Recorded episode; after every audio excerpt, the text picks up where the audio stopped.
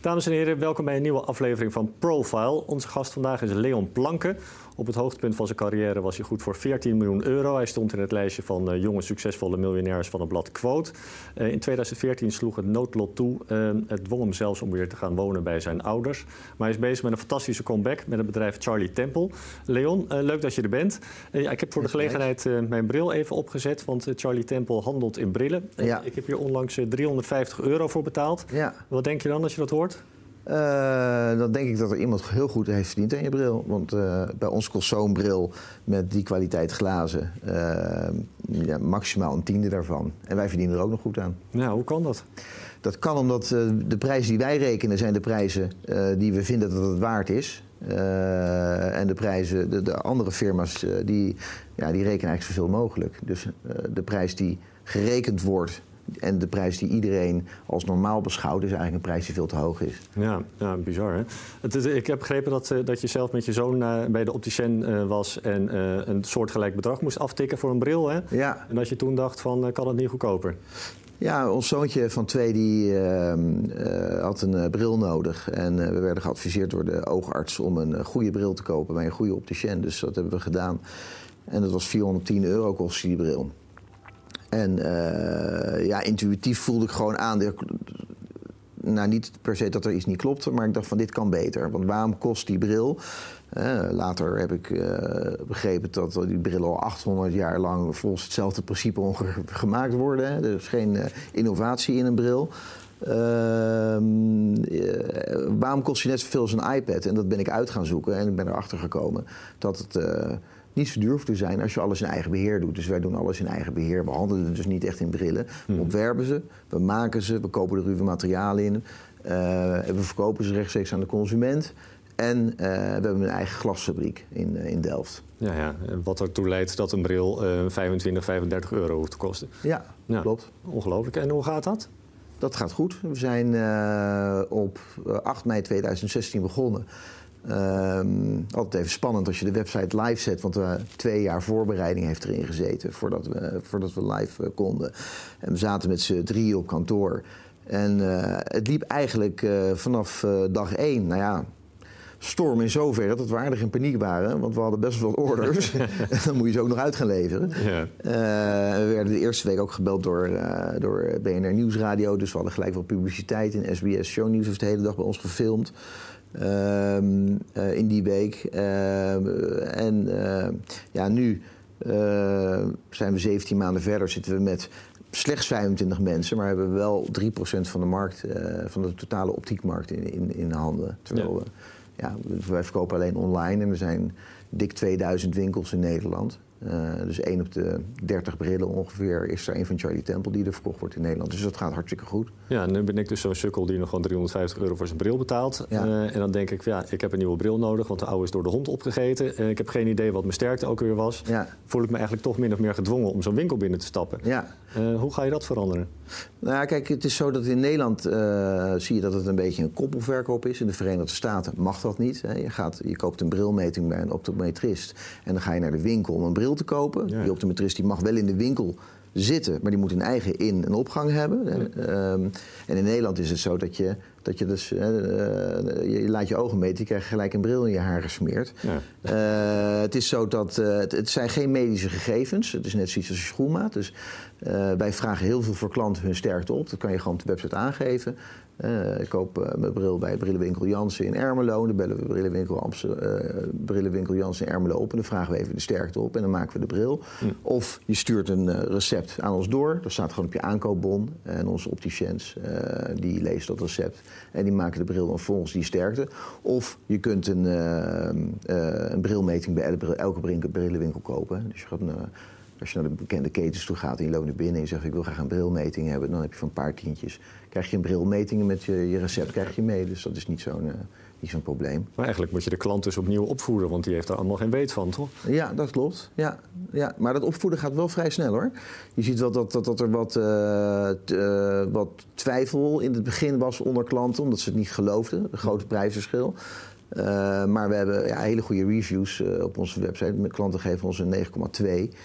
Uh, als cijfer. En we hebben veel mond-op-mond reclame. En omdat we 30 dagen niet goed, niet goed geld teruggarantie geeft, loop je ook geen enkel risico. Hè? Dus als een bril maken voor je op sterkte, dan kan je hem gewoon aan ons terugsturen. Hm. Dan krijg je je aankoopbedrag terug. Maar uh, ja, de consument die, die, uh, die moet inderdaad een beetje heropgevoed worden. Ja. Je zag, uh, 15 jaar geleden kocht niemand, zou niemand kunnen bedenken dat je kleding of schoenen online zou kopen. Want er zijn toch producten die wil je passen, die wil je zien, die wil je even voelen, kijken van wat voor materiaal het gemaakt is.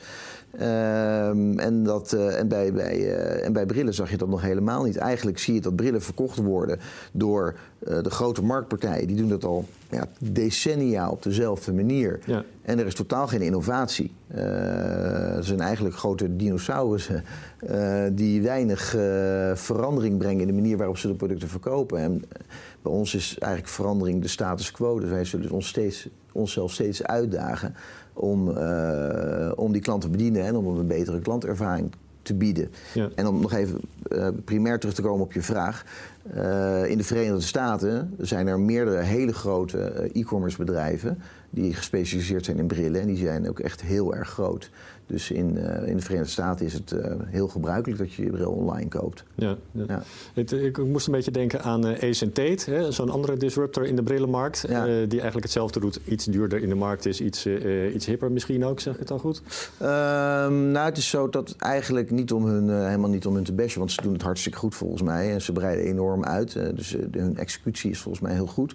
Maar je hebt in Amerika een, een start-up, dat heet Warby Parker, zijn in 2010 begonnen. Dat is zeg maar de unicorn start-up van Amerika op het gebied van goederen verkopen. En meestal zie je dat het software is of, uh, of, of, appjes of weet ik veel wat. En zij verkopen brillen.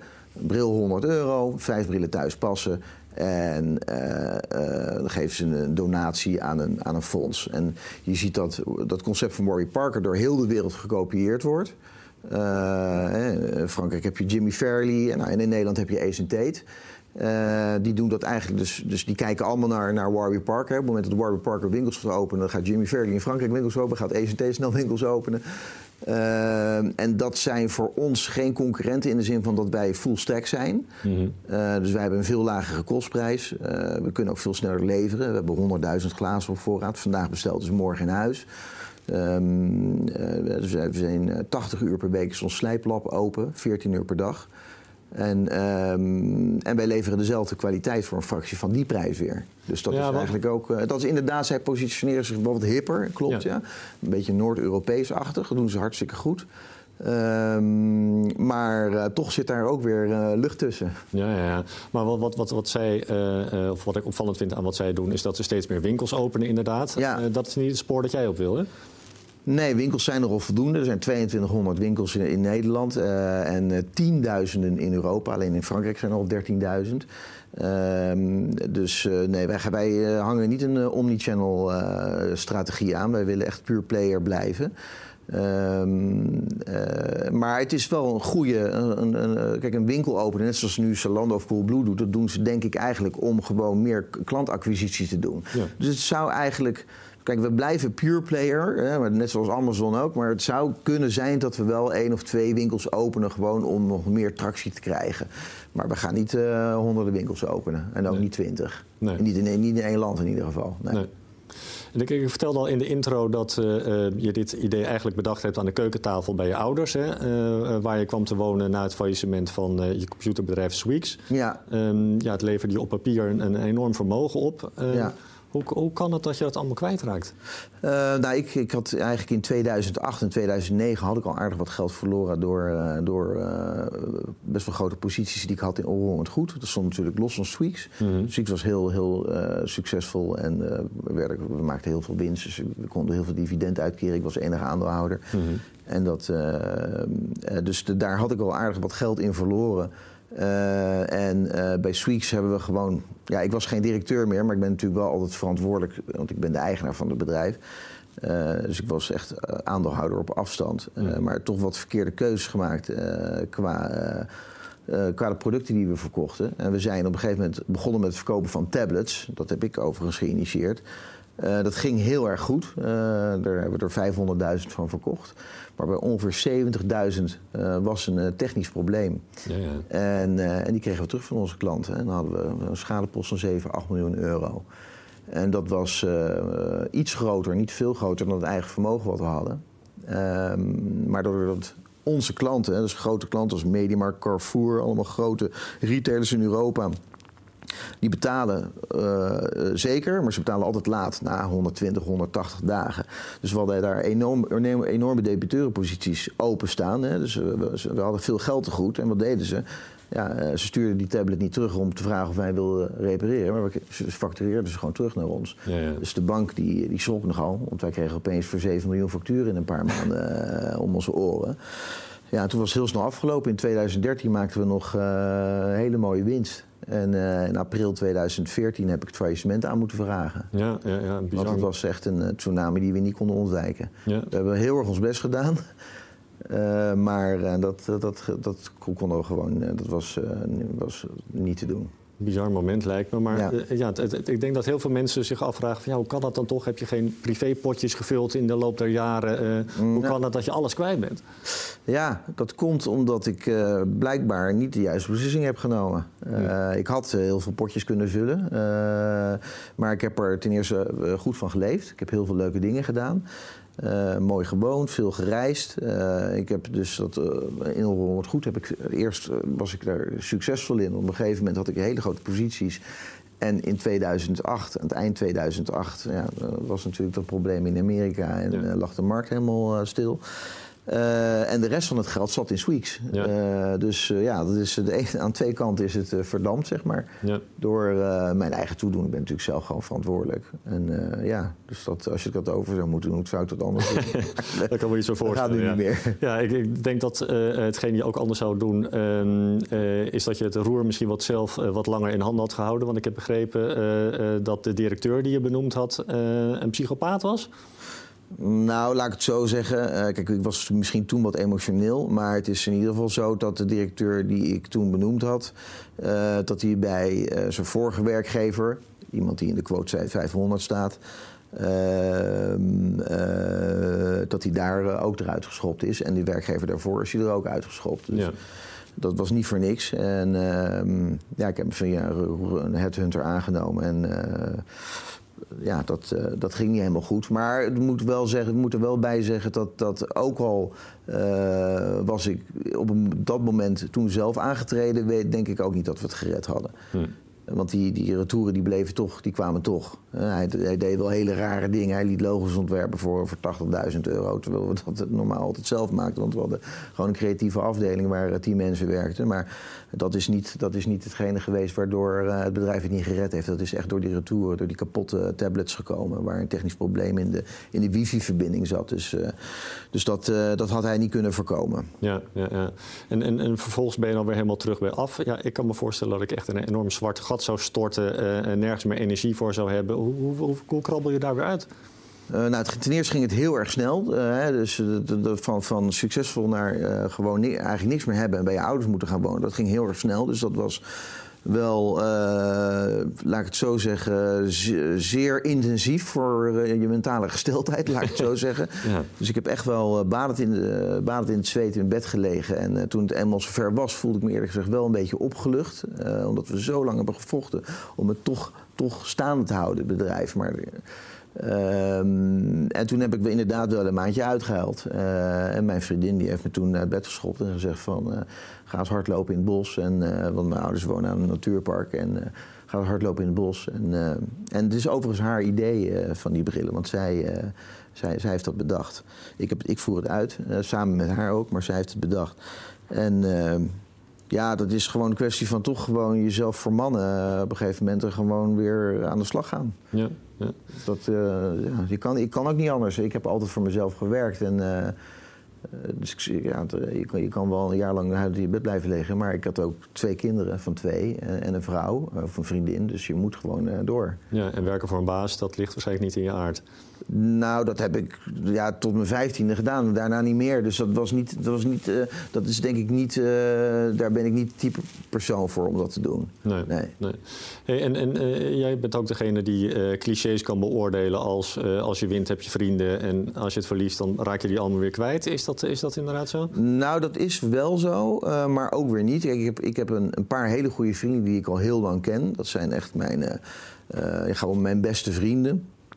En daar maakt het geen verschil voor uit of ik nou wel uh, geld heb of niet. Of, uh, maar het is wel zo dat als je in Amsterdam woont en uh, ja, ik, ik stopte op mijn, in 2001 met werken, toen was ik 26. Uh, en als je dan uh, het heel erg goed hebt en uh, ook royaal bent, want dat ik kan goed delen, zeg maar. Ja. ja. dan is het wel zo dat je relatief snel een groepje mensen, een grote vriendengroep hebt. ja, die gaan ook weer verder in het leven natuurlijk. Hè. Die krijgen zelf ook gezinnen en kinderen, dus die, die hangen nu ook niet meer in de, in de Amsterdamse stad rond. Maar uh, het is niet zo dat uh, mensen die je al heel lang kent je opeens te hulp schieten of zo. Dat nee, is niet, uh, niet het geval, tenminste bij mij. Maar met de uitzondering van een paar hele goede vrienden. En, en die heb ik nog steeds en die blijf ik de rest van mijn leven ook houden. Daar ja. geloof ik heilig in. En word je daar dan nog cynisch van? nee hoor, helemaal zo'n grote groep nee? Nee, nee, nee, denk niet meer over na. Nee. volgende cliché, geld maakt niet gelukkig. Klopt dat? Nou, geen geld hebben maakt zeker niet gelukkig. nee. Het maakt niet gelukkig in de zin van dat je jezelf altijd bij hebt. Dus als je zelf niet goed in je vel zit, ben je met geld ook niet gelukkig. Ja. Maar, uh, en ik moet nu zeggen, ik ben nu net zo gelukkig als toen ik wel geld had. Maar ik zou, het zou niet, ik zou het niet erg vinden als ik weer geld zou hebben. dus dat is natuurlijk wel, uh, ja het is zeer comfortabel. Kijk, ik, heel veel dingen die ik wilde doen, heb ik al gedaan. Mm. dure auto's, verschillende. Ik heb heel veel dingen al gedaan. En ik, eh, ik weet dat dat je geen rijker leven geeft. Maar bijvoorbeeld het hebben van vrije tijd en uh, meer aandacht schenken aan je gezinnen en je kinderen. Ik ben nu toevallig twee weken op vakantie geweest. Heb ik mijn telefoon en mijn laptop thuis gelaten voor het eerst in mijn hele leven. Uh, ja, en dat is gewoon rijkdom. Weet je wel, dat je twee weken met je kinderen op het strand kan spelen. Dus tijd uh, dus tegen tijd is geld, maar als je geld hebt, dan kan je, heb je ook meer, kan je ook meer vrije tijd creëren. Dat is wel iets uh, wat er nu niet is, want ik werk zeven dagen per week. Dus ja. in die zin kan geld wel bijdragen aan geluksgevoel, ja. ja. ja. Maar geluk zit voornamelijk in jezelf natuurlijk. Hey, en, en dat moment dat, uh, dat Sweeks uh, failliet ging, komt er zo'n curator binnen. Ja. hoe is dat proces? Want het bedrijf dat je, dat je helemaal zelf hebt opgebouwd, is dan in één keer uit, uit je handen. Hoe gaat dat? Ja, dat ging eigenlijk heel apart, heel anders dan dat ik dacht. Uh, ik had het nog nooit eerder meegemaakt. Kijk, ik heb het faillissement zelf aangevraagd, omdat ik ook niet anders kon. Hè. Dan op een gegeven moment, ik was weer bestuurder, dus dan moet je het aanvragen als je, je niet meer aan je verplichtingen kan voldoen. Uh, en die curator is dan vrij snel, een paar dagen geloof ik, of een week later was hij er. Nou, die nam van iedereen alle sleutels uh, af. En uh, ik heb een half uur met die man zitten praten. Toen gaf hij de sleutels weer aan me terug. En ik heb hem nooit meer gezien. Oké, okay, typisch. Ja, typisch. Ja. ja. Er is nooit meer een vraag gekomen van wie of wat. En, uh, nou, dat is niet helemaal waar. In het begin waren er nog wel wat vragen. Ik heb nog geholpen. Uh, want we hadden natuurlijk groot, groot krediet bij de bank ook. bijna, bijna 10 miljoen euro hadden we krediet bij, bij de bank. Mm -hmm. dat is voor een handelsbedrijf best, best forst. Ja. Uh, maar dat hebben we gelukkig. Uh, ja, volgens mij is dat. Uh, het faillissement is afgesloten, maar volgens mij is de bank er helemaal goed uitgesprongen. Is, er, is, er, is de bank helemaal terugbetaald. Die was al bijna terugbetaald toen, toen het failliet ging, omdat ik er zelf voor gezorgd heb dat, dat, dat, dat het krediet bij de bank ingelost werd door achter debiteuren aan uh, te gaan. Ja. Uh, maar ik heb daar eigenlijk helemaal niks meer nooit meer wat van gehoord. Dus, uh, ja. Ook niet over, over de vraag of je misschien zou willen doorstarten? Of... heb ik dat van de curator? Heeft hij dat aan mij gevraagd? Nou, niet, volgens mij niet de curator, nee. Nee, we hebben, wel, we hebben het wel onderzocht of we door wilden starten. Maar ik was er ook helemaal klaar mee. Ik, uh, ik deed al vanaf mijn eh, achttiende zat ik in de, in de, in de IT en ik, en, ik was er gewoon klaar mee. Mm. Ik, ik, had geen zin meer in. Ja. Nee. En, en, wat zijn nou de belangrijkste lessen uit die periode die je meeneemt naar Charlie Temple? Nou, de belangrijkste lessen uh, zijn ehm, dat je denk ik toch ondanks dat de directeur die ik had, niet die ene die ik later had aangenomen, die het gewoon hartstikke goed ge georganiseerd heeft, die nu ook trouwens weer bij ons werkt. Uh, dat je toch uh, er zelf bovenop moet zitten met je creativiteit. Hè? Dus je kan heel goed mensen aannemen of partners maken die de status quo goed uitvoeren en executeren. En zorgen dat alles gewoon perfect geregeld is. Mhm. Maar de creativiteit, weet je, nieuwe ideeën, inventief zijn, dat is iets wat ik denk dat bij, in ieder geval bij mij past. En wat ik in ieder geval altijd in het bedrijf zal moeten houden. En dat je je echt aan moet passen aan de veranderende omstandigheden. En dat hebben we bij Sweeks een paar keer gedaan. Maar je moet eigenlijk net zo. Ik heb het ooit wel eens gelezen dat Nokia eerst in de zat. Toen uh, Nokia's gaan doen. En je moet jezelf, je moet echt jezelf. Uh,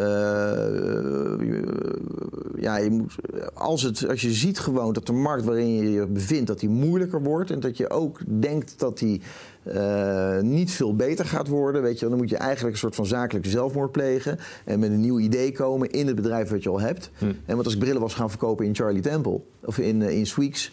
Uh, dan had de wereld wel heel anders ja, uitgezien. Weet je wel, als ik dat uh, een paar jaar geleden had begonnen te doen. Maar ja, dan zit je er zo in die tunnel van wat moet ik nu weer verkopen? En wat, wat voor producten gaan we nu op de markt brengen? Dus in ieder geval je heel snel aanpassen aan veranderde omstandigheden.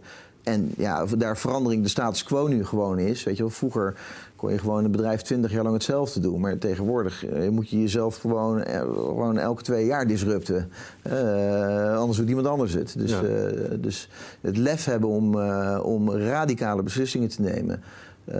als je denkt dat het beter voor het bedrijf is, of als je denkt dat, dat de toekomst van je bedrijf op de manier waarop je nu bezig bent, dat dat geen niet voldoende fiducie biedt. Ja. tot slot, heeft Charlie Temple eh, de potentie om uh, jou net zo ver te brengen als uh, Sweeks destijds deed?